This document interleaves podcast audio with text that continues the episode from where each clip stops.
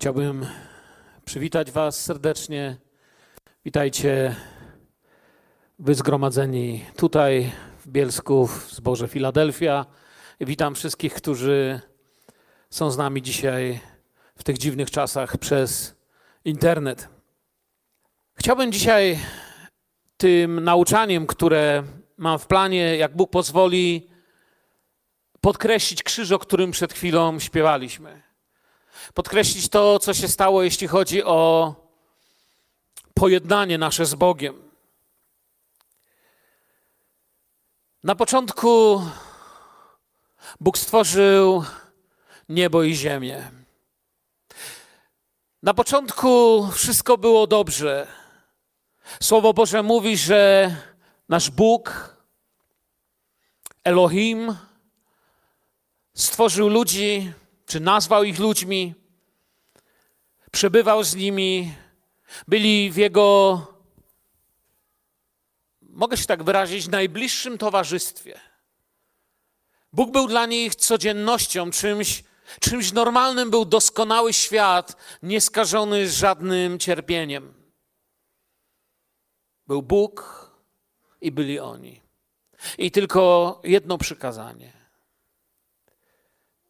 Elohim, nasz Bóg.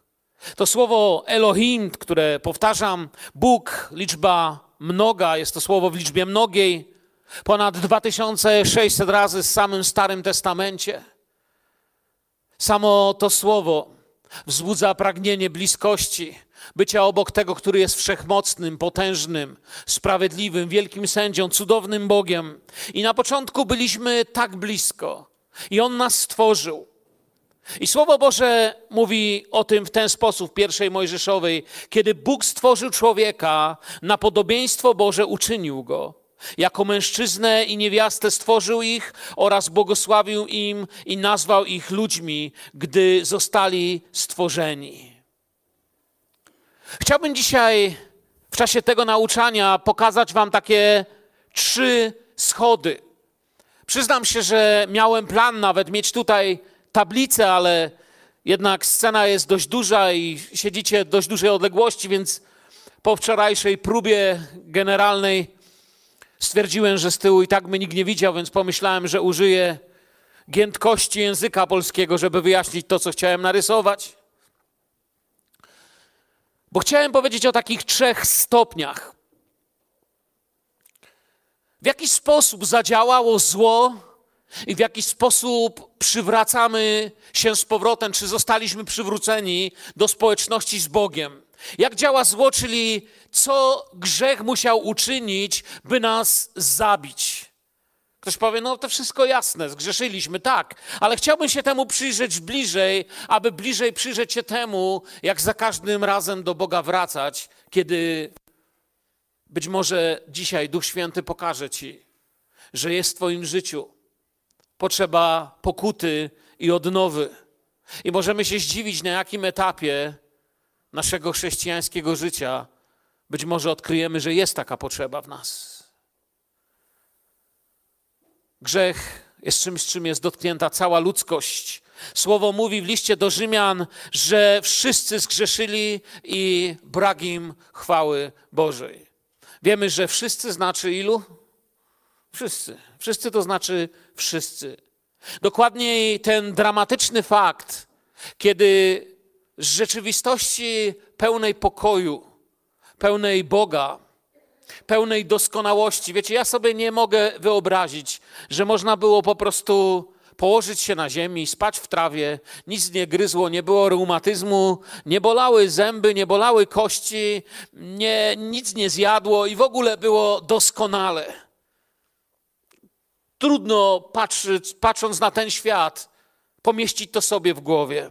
Ale koniec tego, kiedy grzech przyszedł na świat, kiedy to jedno jedyne przykazanie, które człowiek miał przestrzegać, zostało złamane, kiedy poszedł w ten korkociąg, w ten lot w dół, aby się rozbić w swoich grzechach, kiedy to wszystko przyniesie morze łez,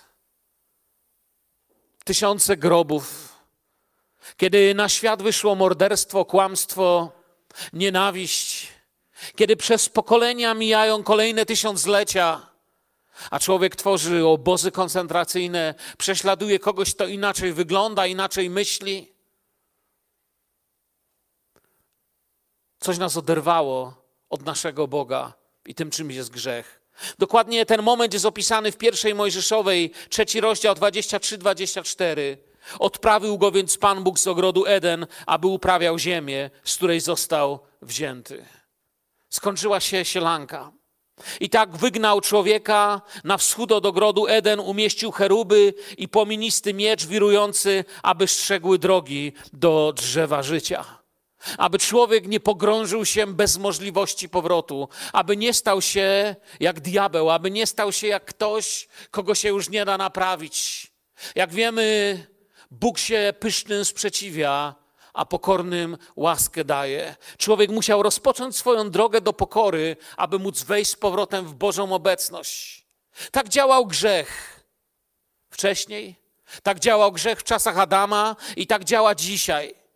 I jest, wiecie, taka kolejność tego upadku, którą chciałbym właśnie pokazać na zasadzie takich trzech stopni. To jest kolejność, która wtedy była taka sama, dokładnie jak będzie w Twoim życiu, jeśli zdecydujesz się nie być posłusznym Słowu Bożemu. Dokładnie jak była w Twoim i moim życiu, gdy żyliśmy w tym świecie z dala od Boga, dokładnie byliśmy w tym samym miejscu, bo grzech zawsze działa tak samo.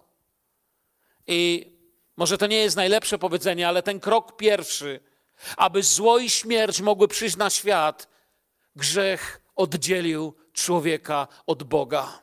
Pojawiła się między nimi granica. Człowiek, który miał być blisko, człowiek, który miał przybiegać, rozmawiać, być w obecności Bożej, nagle wiemy, że dochodzi do dramatu.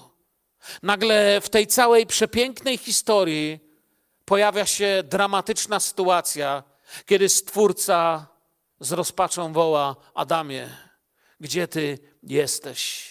A więc najpierw grzech oddziela nas od Boga. Adam miał tylko jedno przykazanie. Tylko to jedno i, i mógł strzec swojego szczęścia, swojej bliskości i niestety zawiódł, a grzech rozpoczął swoje działanie. Kiedy spożyli z zakazanego owocu, że się tak wyrażę, kiedy zobaczyli, jak to naprawdę jest. Słowo Boże, Słowo Boże mówi, zobaczyli, że są nadzy. I tak samo, i tak jest do dziś. Człowiek się może oszukiwać swojej grzeszności ile chce, może robić różne złe rzeczy, ale na koniec, w końcu zawsze dochodzi do ściany, w której bez Boga odkrywa, że tak naprawdę jest nagi, że jest nagi, bez względu na to, co sobie wmawia.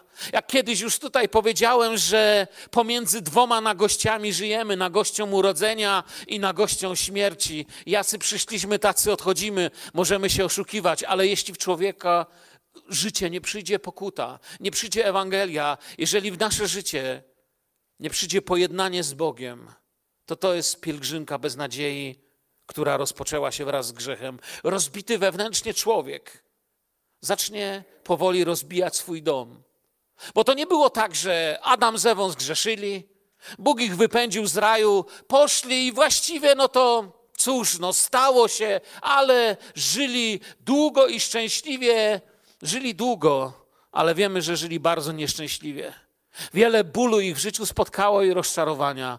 Zmieniło się nie tylko to, że już nie było tej tak bliskiej i pięknej społeczności z Panem, że już nie było tego otoczenia naturalnego, nieskażonego przez grzech. Zmieniła się przyroda, zmieniła się natura, zmienił się cały świat i rozpoczął swoją wędrówkę ku głębszej śmierci, bo nic nie stoi w miejscu w życiu.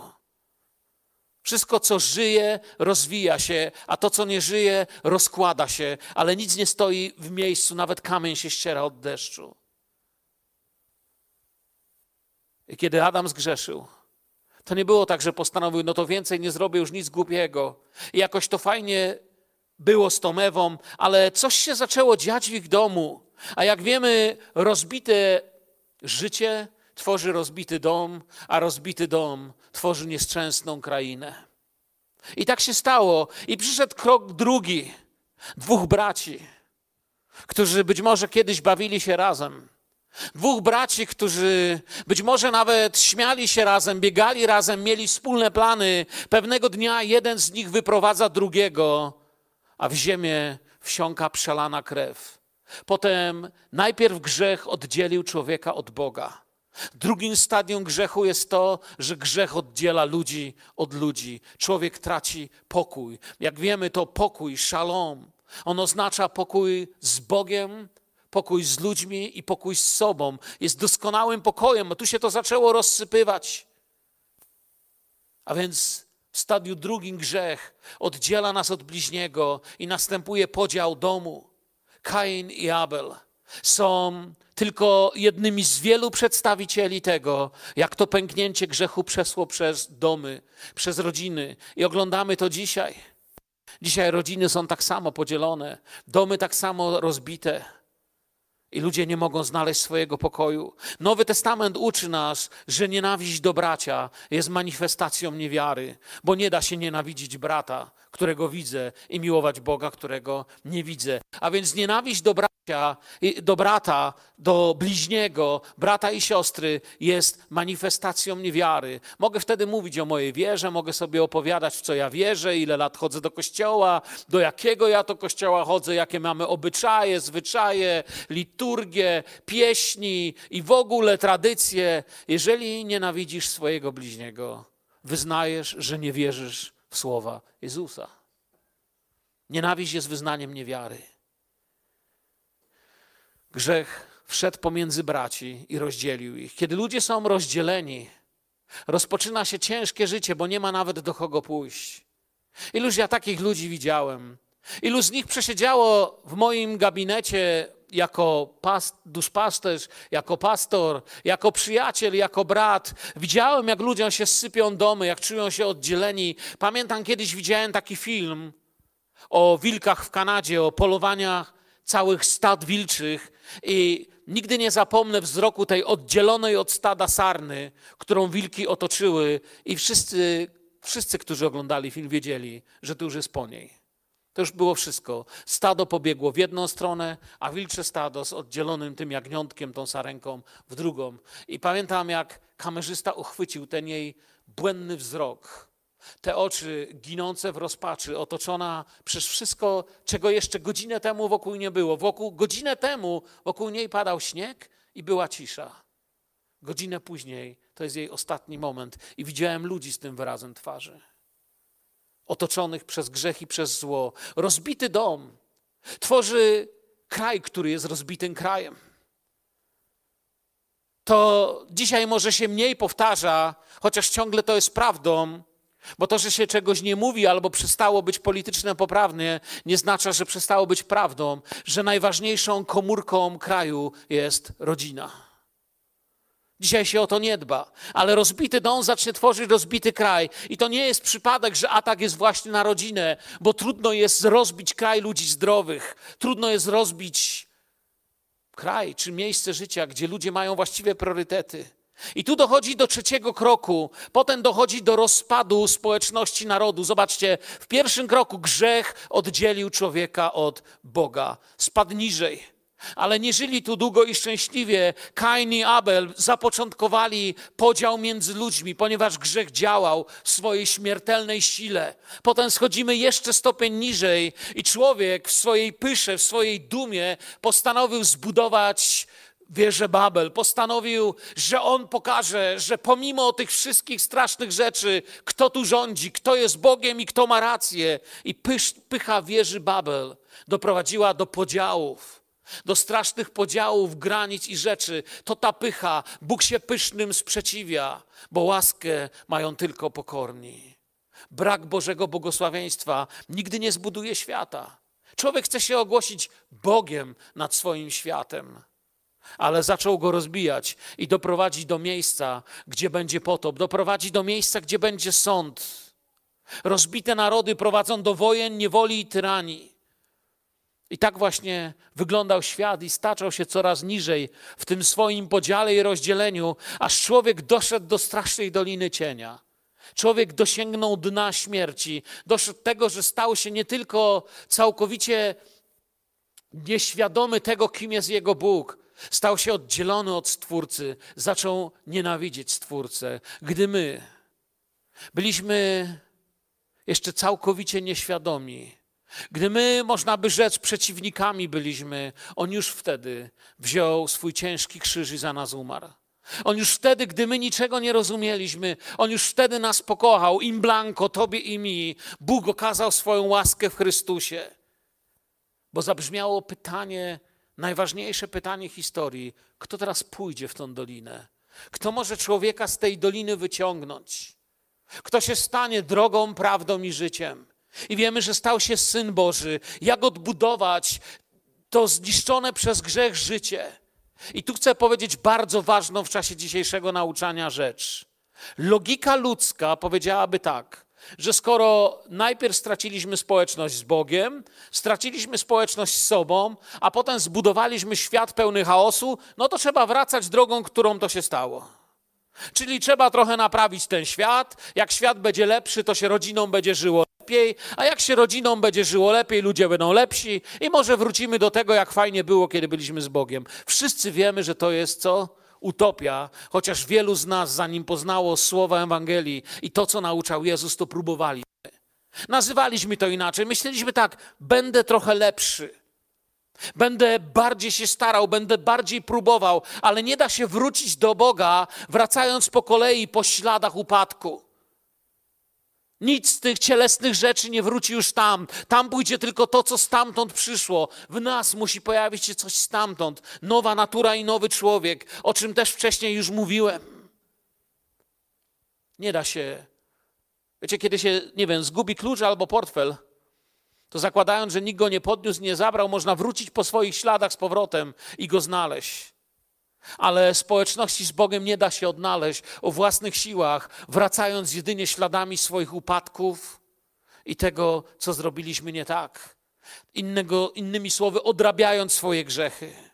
To zwiedzenie, któremu ulega ludzkość, to, co zgubiliśmy, nie da się znaleźć za nami, bo przeminęły dni, a przeszłość nie jest już w naszych dłoniach. Przyszłość też nie. Dziś, dziś jest dzień zbawienia. Dziś mogę podjąć decyzję i dziś chcę pokazać, nie możesz wracać. Być może jesteś na tym miejscu i tak, nie odczuwasz radości zbawienia, nie doświadczasz realności Boga, nie cieszy cię twoje własne chrześcijaństwo, gdzieś coś zgubiłeś i myślisz, spróbuję wrócić, zobaczyć, gdzie coś straciłem.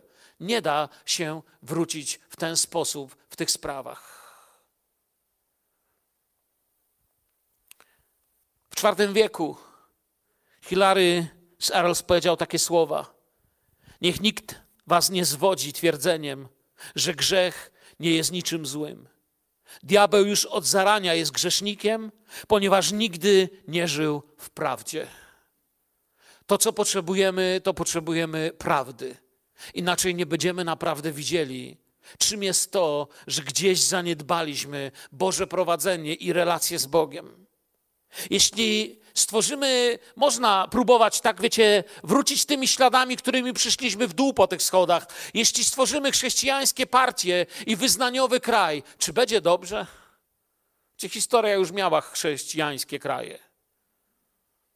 Lała się tylko krew i były pełne strachu. Nie wprowadziły pokoju ani chrześcijaństwa. Człowiek już próbował budować Królestwo Niebieskie na swój polityczny sposób.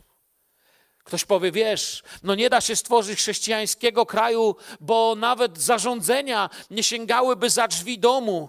Jeśli sięgałyby polityczne prawa i, i różnego rodzaju zarządzenia za drzwi domu, to wam coś powiem, nie chcielibyście mieszkać w takim kraju, w którym politycy decydują o twojej czy mojej uczciwości z Bogiem. Jest ważna prawda. Widziałem kiedyś dom, który spłonął. Stał na wzgórzu niedaleko nas w Czechach. Bardzo ładny dom, ale spłonął i spłonął tak nieszczęśliwie, że praktycznie, wiecie, na bardzo niewiele z tego domu zostało. I pamiętam, jak przejeżdżając tamtędy kolejny raz, zobaczyłem, jak odbudowywują ten dom. Zaczęli go na nowo budować. I wiecie co? Nie dziwiłem się, że zaczęli od fundamentów. Dziwilibyście się, że zaczęli od dołu? Powinien powiedzieć tak, moment, no przecież dom się zaczął palić od dachu. No to powinni zacząć odbudowywać od dachu. Nie, i tak właśnie my chcemy czasami z naszym życiem. Próbujemy wrócić po śladach swojego upadku, a to nie jest droga pokuty. To jest coś, co ważne chciałem dzisiaj pokazać. Nikt spalonego domu nie odbudowywał od dachu, w który uderzył piorun. I nikt zwalonego życia od góry nie odbuduje. Nie da się wrócić po latach przeszłości. Religia i polityka może wierzą, że jak się zmieni kraj, to się zmienią ludzie. Ale słowo mówi, że jak się zmienią ludzie, to się zmieni kraj. Słowo mówi, że jak się zmieni człowiek, to się zmieni to, co go otacza. I takie zmiany, które wprowadza ten człowiek na swój sposób, wychodząc z grzechu, prowadzą tylko do głębszych podziałów. Powiem wam tak, patrzę na świat, uczę się. Czytam sobie historię i zobaczyłem, jakim, jaką wielką prawdą jest to, że ludzie, którzy nie chcą pamiętać historii, będą ją musieli odrabiać jeszcze raz. Widzę, jak ludzkość zmierza z powrotem do tych samych błędów, które jeszcze niedawno wracający w pasiakach do domu ludzie mówili, nigdy już nie powtórzymy, ale my z powrotem idziemy w tym samym kierunku. Ktoś kiedyś powiedział, najpierw niszczy się ideę, potem pali się książki, a potem pali się ludzi.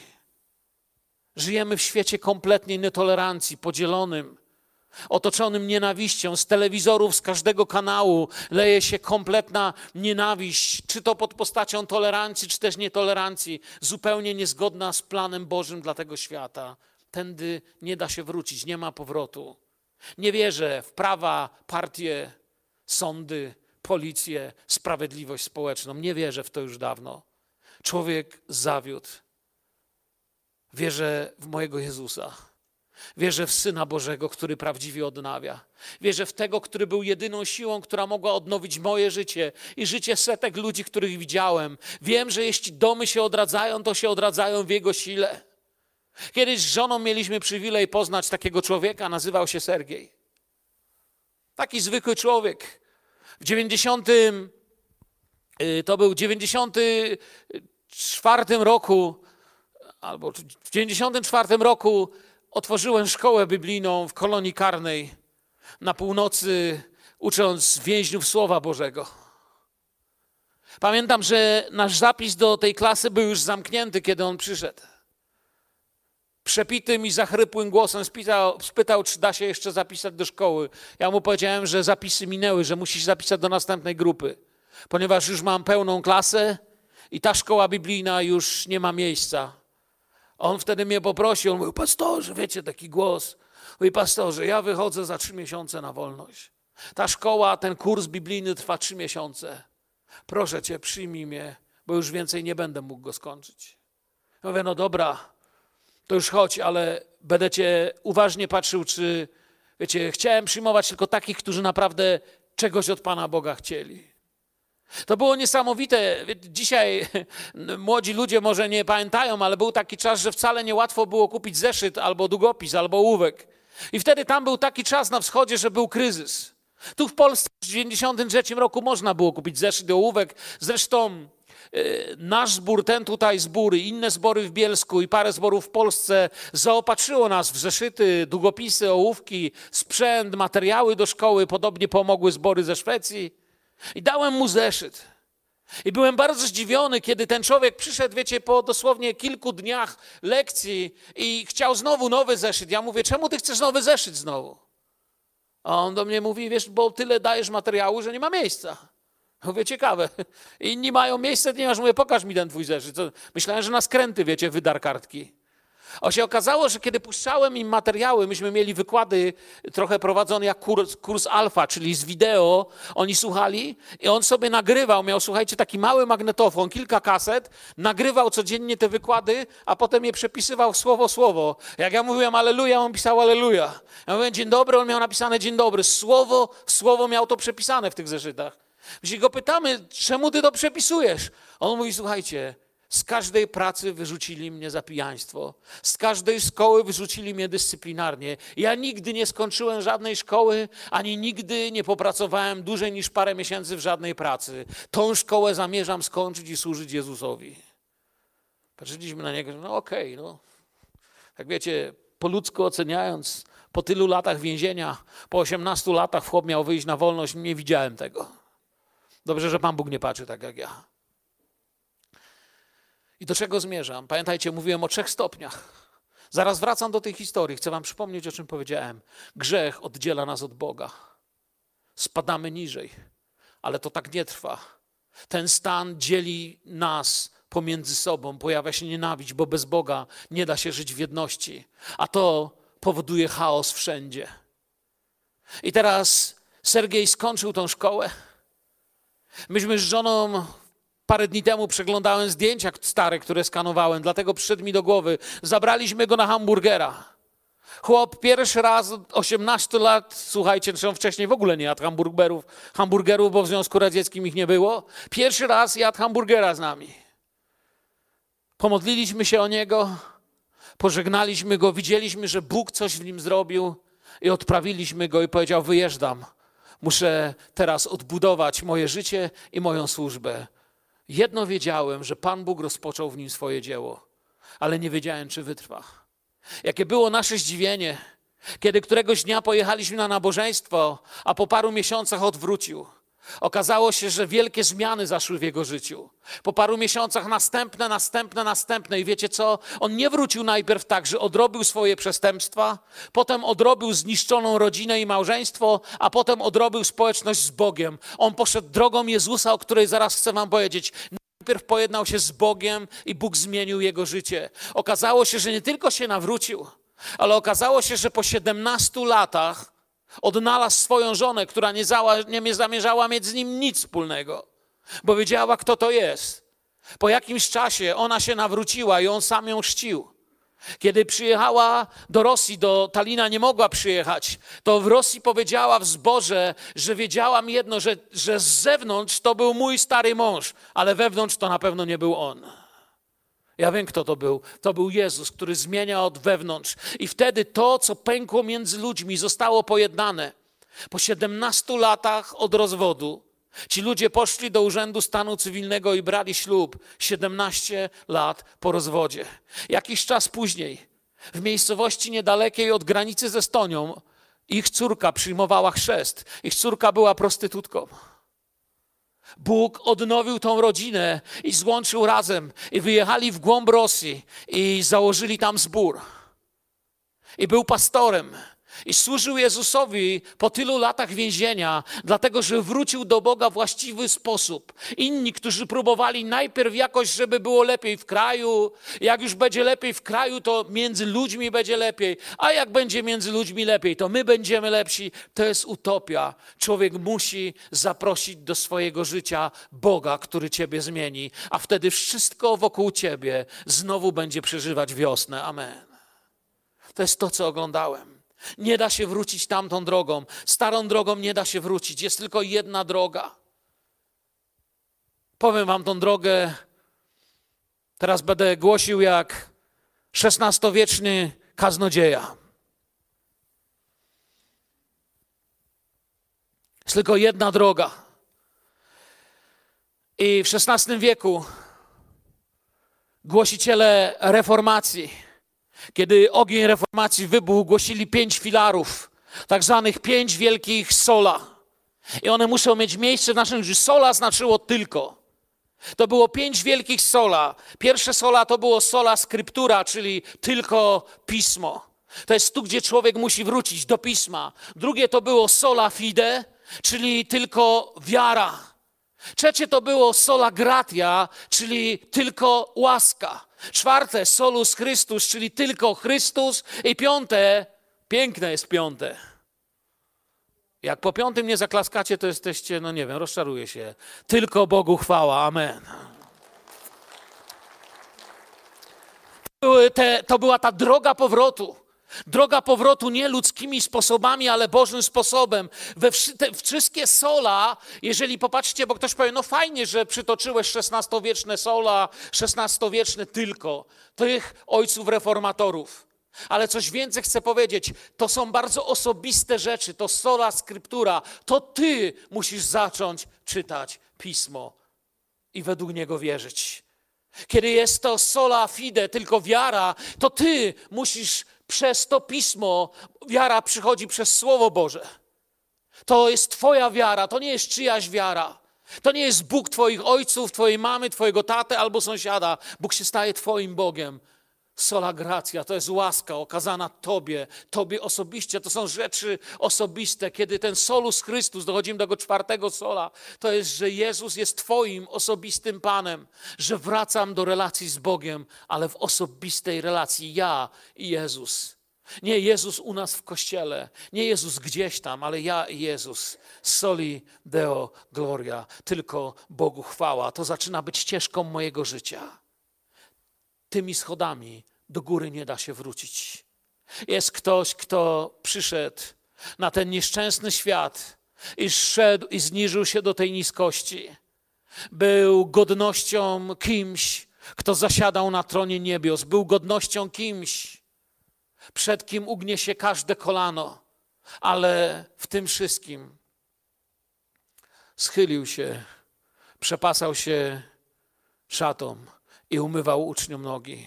W tym wszystkim nigdy na nikogo nie patrzył z góry i nie poniżał ludzi. Wziął ciężki krzyż i zaniósł na Golgotę.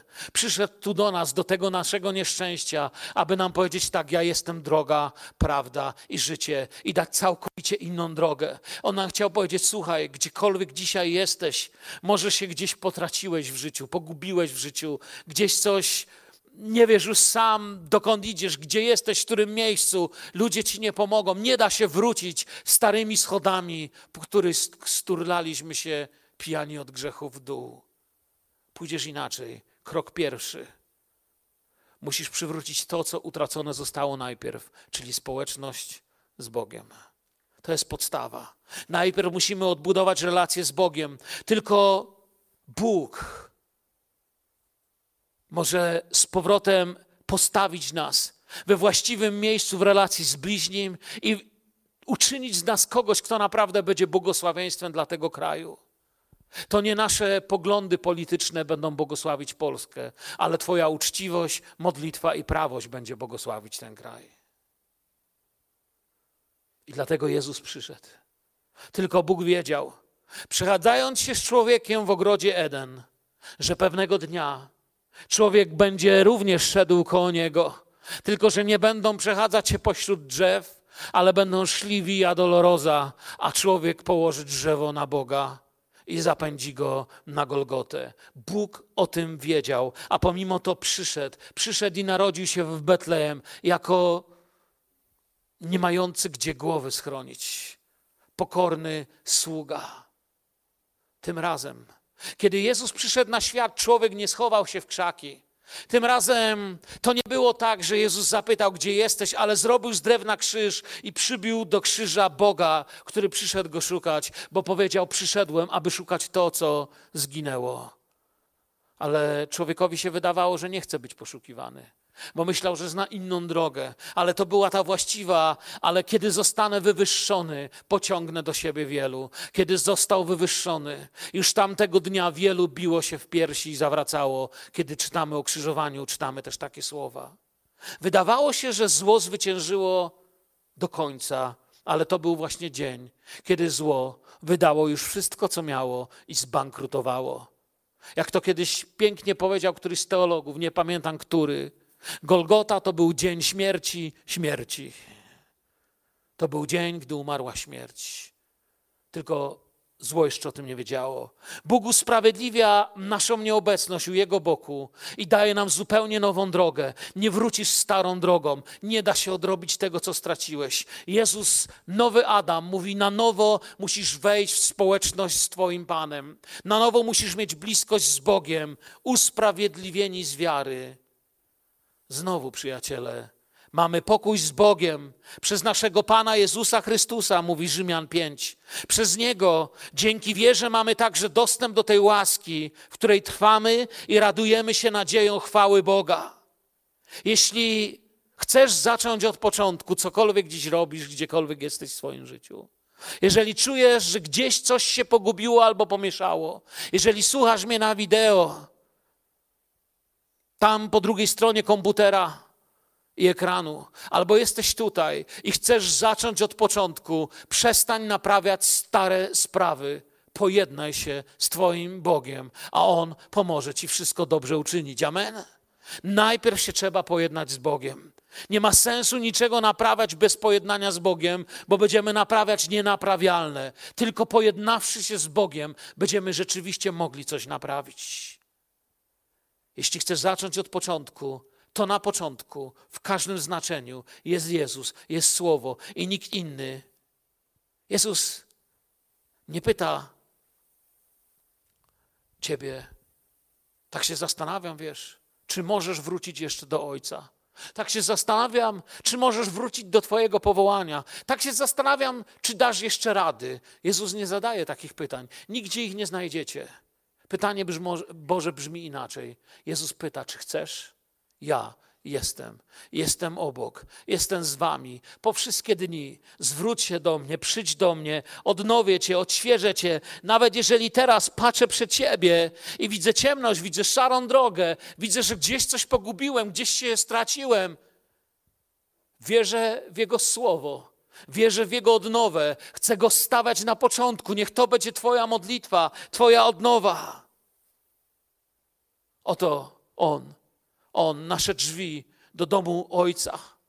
Wiecie, w języku hebrajskim słowo o tym samym rdzeniu spółgłoskowym, co Adon, czyli Pan, Alef, Dalet, Nun, to samo słowo o tym samym rdzeniu znaczy też, wiecie co? Drzwi, próg, miejsce wejścia. Nie myślę, że to przypadek. On jest naszym Panem. On, nasze drzwi, on, próg, przez który wchodzimy w inną rzeczywistość. Jeśli chcesz rozpocząć na nowo, to nie zaczynaj tu od dołu. Pojednaj się z Bogiem, wyznaj swoje grzechy. Przyjdź do Jezusa, On wszystko odbuduje, wszystko dobrze uczyni. Nawrócenie zaczyna się od tego. Chcę, abyście mnie teraz bardzo uważnie posłuchali. Chcę ważną rzecz Wam powiedzieć. Nawrócenie zawsze zaczyna się od tego, czego brak poprzedza upadek. Jeżeli w swoim chrześcijańskim życiu kiedykolwiek upadłeś, to to, co teraz będę mówił, to wiem, że w głębi duszy powiesz tak, to jest prawda. Widziałem to na przykładzie własnych życiowych zaniedbań, bo doskonały nie jestem, i na przykładzie ludzi, którzy z rozbitym chrześcijańskim życiem przychodzili do mojego biura czy mieszkania. Nawrócenie zaczyna się od tego, czego brak poprzedza upadek. Po pierwsze, kiedy człowiek na nowo zaczyna pragnąć Boga i chce się nawrócić, to zaczyna mieć świadomość obecności Boga. Potem zaczyna sięgać do Słowa Bożego i posługiwać. Wchodzi w codzienność Słowa Bożego. Wchodząc w codzienność Słowa Bożego, wchodzi w codzienność modlitwy. Wchodząc w codzienność modlitwy, poddaje wszystko Panu. Poddając wszystko Panu, również relacje z ludźmi poddaje Panu. Kiedy to czyni, zaczyna chodzić w autorytecie słowa, a Bóg rozpoczyna potężne zmiany w jego życiu. I ta sama kolejność jest u chrześcijan, jeżeli zaczynasz to zaniedbywać. Najpierw zaczynasz zaniedbywać świadomość obecności Boga.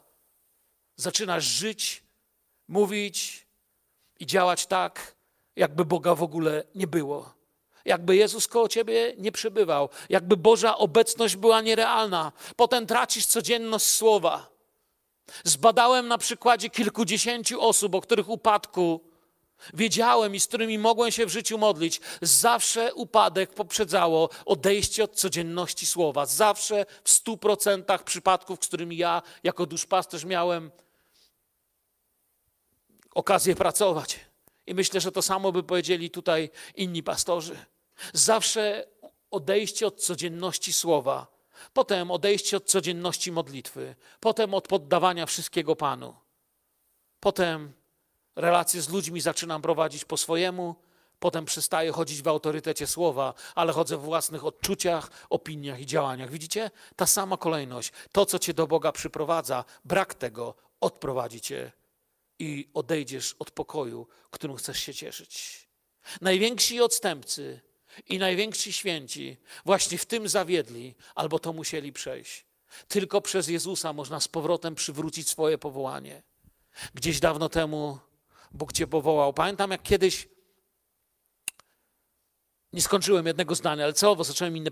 Teraz mi to przyszło do głowy. Przypomniało mi się, jak kiedyś mój przyjaciel, Głosiłem w jego zboże, on powiedział, wiesz co, ludzie wyszli do przodu, modlili się. Mówi, miałem bardzo dziwną modlitwę z pewnym człowiekiem, bo go długo nie było, czekaliśmy, czekaliśmy, byliśmy zaproszeni do restauracji, pojechaliśmy do tej restauracji, sam, ja pojechałem, jego żona, jeszcze jeden brat, a jego nie było. W końcu myśmy już prawie w tej restauracji skończyli obiad, kiedy jego telefon się włączył. I wrócił do nas i mówi, miałem bardzo dziwne spotkanie. Pamiętacie, ludzie wyszli do przodu na modlitwę.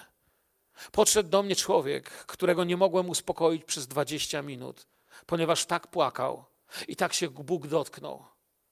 I powiedział nam o człowieku, który opowiadał mu, że 45 lat wcześniej Bóg powołał go na misję. Ten człowiek to zlekceważył.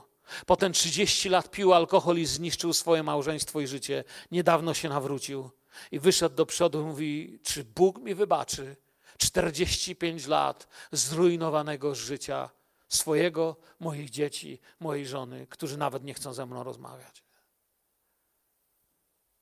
Czy można wrócić? Nie da się wrócić po starych śladach. Tylko Bóg może odnowić. I to jest to przesłanie, które chcę powiedzieć. Musisz wejść w tą drogę. Nie możesz zaniedbywać Twojej bliskości z Jezusem, bo reszta zacznie się rozpadać. Ale gdy rozpoczniesz od bliskości z Jezusem, reszta zacznie ożywać. On jest jak wiosna, on jest jak życie. Wszystkie wielkie zgorszenia albo cuda są potem.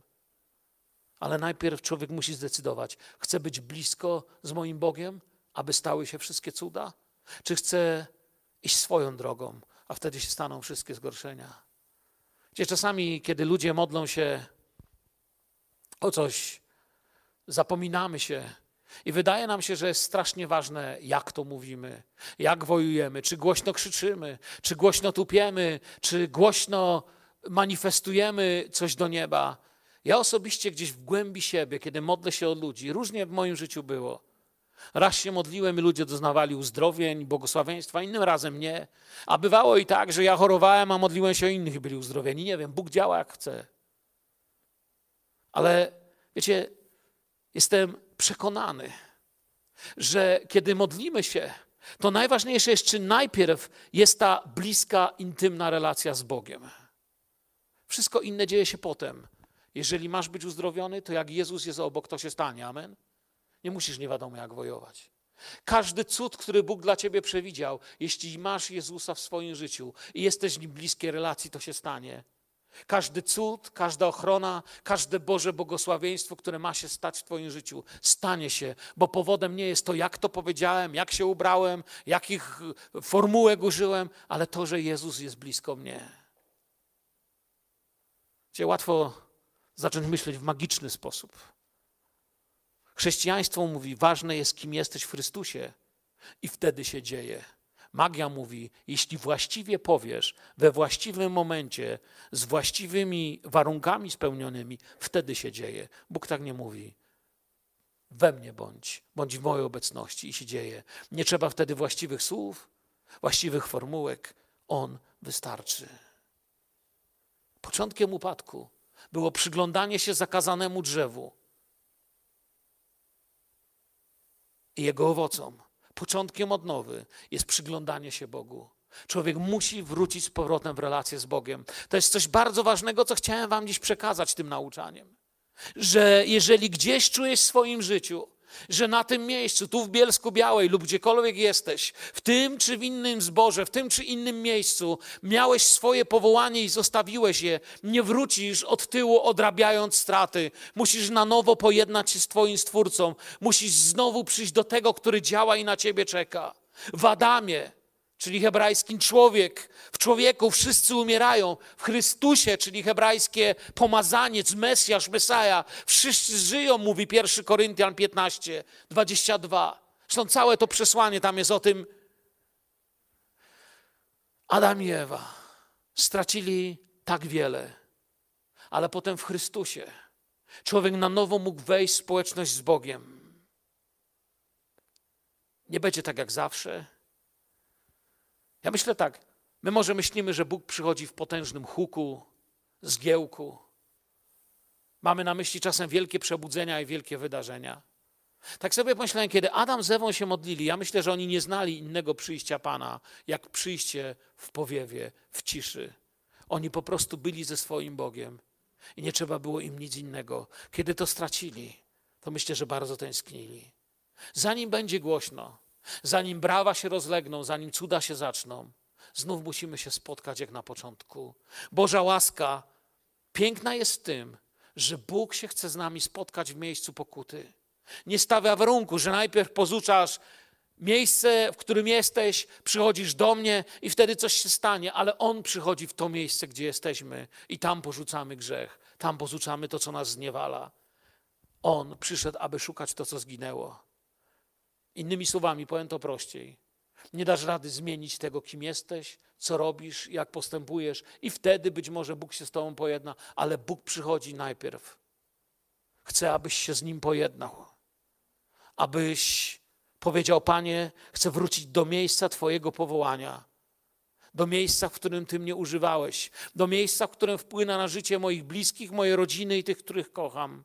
I Bóg Cię spotka w tym miejscu, gdzie się pogubiłeś. Pan jest dobrym pasterzem. Pan jest dobrym pasterzem i szuka. Miejsce pokuty jest tam, gdzie Bóg znajduje grzesznika. Bóg nie wyznaczył ci pokuty i miejsca w jakimś niemożliwym dla ciebie do osiągnięcia punkcie, bo człowiek by się nigdy nie nawrócił i nigdy by nie odnalazł. Nie wiem, czy wiecie o tym, że my sami nigdy byśmy Boga nie odnaleźli. Wyobraź sobie, że nie wiesz nic, co pisze w Nowym ani Starym Testamencie i miałbyś go odnaleźć. Coś może by się człowiek domyślał. Coś gdzieś w sercu by czuł. Ale to, jak się nam objawił Jezus, stawia nas w czasach, gdzie w przepiękny sposób możemy przychodzić do Boga i na nowo rzeczy doświadczać. On nie czeka w kościele, on cię chce włączyć do kościoła. Powoli zbliżając się do końca, tymi schodami nie da się wrócić. Wracamy tędy przez Golgotę, przez tych pięć wielkich sola reformacji, które wymieniłem, wchodząc w osobistą relację z Panem. I wiecie, musimy zrozumieć na nowo, czym jest też przymierze z Bogiem. Wiecie, co jest przymierze? Przez to, że ludzie nie rozumią dzisiaj słowa przymierze, wielu ludzi. Popatrzcie zresztą na śluby na przykład. Będę cię miłował aż do śmierci, trata, tata i sami wiemy, że to nic nie jest warte potem. Dlatego, że ludzie w ogóle nie rozumią nie tylko miłości, to mówiłem, kiedy mówiłem o agapie, ale też znaczenia przymierza. Wiecie, co znaczy przymierze?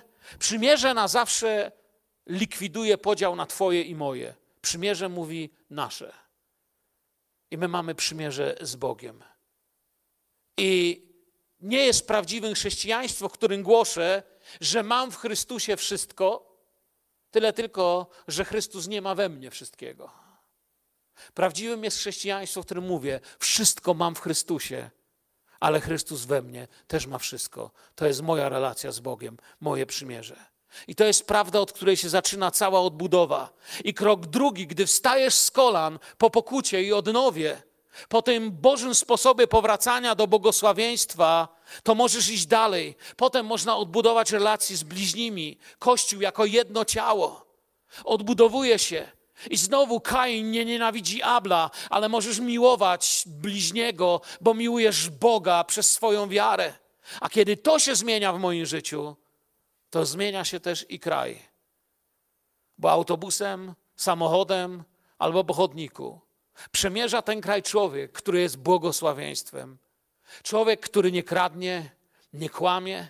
Człowiek, który mówi prawdę, człowiek, który błogosławi, człowiek, który jest chodzącym błogosławieństwem. Kiedyś mnie to tak dotknęło, że, że, że, można się modlić o ludzi na ulicy. Wiecie, łatwo to zapomnieć na zatłoczonych ulicach jako kierowca, na zatłoczonych chodnikach i sklepach i w tej całej nienormalnej sytuacji, jaka jest teraz. Można zapomnieć, jesteście solą ziemi, światłością świata. Jesteście, nie próbujecie jej udawać, nie próbujemy się za nią przebrać. Jesteście tymi, którzy przemieniają ten świat, bo jesteście w Chrystusie, bo jesteście w Nim, bo przez to, że do Niego przyszliście i rozpoczęliście na nowo, albo chcecie rozpocząć, rozpocznie się przemiana Twojego domu. A więc przyjdź najpierw do Pana nie próbuj niczego zmieniać. A gdy się nawrócisz, będziesz zbawiony ty i twój dom. A mając wpływ na świat, co się stanie? I dziwili się, słysząc ich mówiących w ich językach. Dziwili się, że Kościół mówił w językach tych, którzy przyszli na święto. Dziwi się świat. Kiedy Kościół przyniesie na ten świat zrozumienie, nie tylko poglądy, kiedy nie tylko powiemy światu, z czym my się nie zgadzamy i co się nam podoba, to jest w każdych wiadomościach, z kim się kto nie zgadza i kto się komu co nie podoba. Ale kiedy powiemy światu, modlimy się, błogosławimy i trwamy, pokój mamy w Chrystusie, mamy pełny pokój i chcemy Wam ten pokój dać, błogosławić Wasz szalom, pokój z Bogiem, pokój z ludźmi i pokój z samym sobą przywraca harmonię. I tyle chciałem dzisiaj powiedzieć. Chciałem Wam pokazać, którędy wracamy do Pana. Jeżeli gdzieś pogubiłeś się w życiu, nie wrócisz tędy. Trzeba z powrotem pod krzyż. Trzeba się z Nim pojednać, a od Niego zaczyna się wszystko, co nowe. Niech Pan Was błogosławi w tą niedzielę. Powstańmy i podziękujmy Mu za tą możliwość. Jeżeli jesteś na tej sali teraz i czujesz, że gdzieś coś pogubiłeś, nie będę z wiadomych powodów robił tutaj wezwania na środek. Nie chcę ryzykować i tak już mamy dość, że męczymy się tu w tych maseczkach. Ale jeżeli potrzebujesz dzisiaj modlitwy, to musisz uwierzyć, że jesteś w kościele, w którym jesteś kochany. Może nie zawsze potrafimy to pokazać jak należy, ale musisz uwierzyć, że jesteś w kościele, który się modli. Daj znać ręką, że potrzebujesz modlitwy. Potrzebujesz na nowo odświeżyć swoją relację z Panem. Widzę jedną rękę, drugą. A ci z Was, którzy nie podnosicie ręki, popatrzcie do tyłu obok siebie. Kto podniósł rękę koło Was? To są ludzie, którzy mówią: Przyszedłem tu, bo wierzę w Waszą modlitwę. Wierzę w modlitwę tego zboru, tego kościoła. O tych, którzy są w potrzebie. Podnieście jeszcze raz rękę. Kto jest tutaj, kogo dziś Duch Święty dotknął, że potrzebuje odnowy, potrzebuje z powrotem przybliżyć się do stóp Jezusa? Ojcze, który jesteś w niebie, prosimy Ciebie w imieniu Jezusa, szczególnie o tych, którzy dzisiaj z jakimś poczuciem chodzą, że się gdzieś pogubili i próbowali być może naprawiać i jakoś zreperować to rozlatujące się im chrześcijaństwo, to rozlatujące się życie i relacje. Dziękujemy dzisiaj Tobie za objawienie Twojego słowa, że tylko przez Jezusa jest powrót do wszystkiego, co dobre i doskonałe i co cudowne.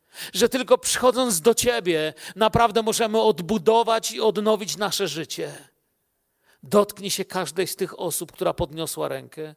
Dotknij się tych, co odwagi nie mieli podnieść dłoni. Proszę Cię o tych, którzy słuchają przez wideo, gdzieś tam w swoim domu. Być może ich domy są w oparach awantur, alkoholu, rozczarowania. Być może brakuje im już siły modlić się i trwać, albo czują, że słabną, albo może sami się już w tym wszystkim pogubili. Błogosławimy Was dzisiaj, gdziekolwiek jesteście. W imieniu Jezusa, który wszystko wie, który jest dobrym pasterzem, który odnajduje człowieka i mówi: Przyjdźcie do mnie, którzy jesteście umęczeni, obciążeni. Jest dla was, jest dla was odpocznienie, jest dla was wypoczynek w Bożym planie. Chwała Tobie i dzięki Ci za to, Panie Jezu. Amen.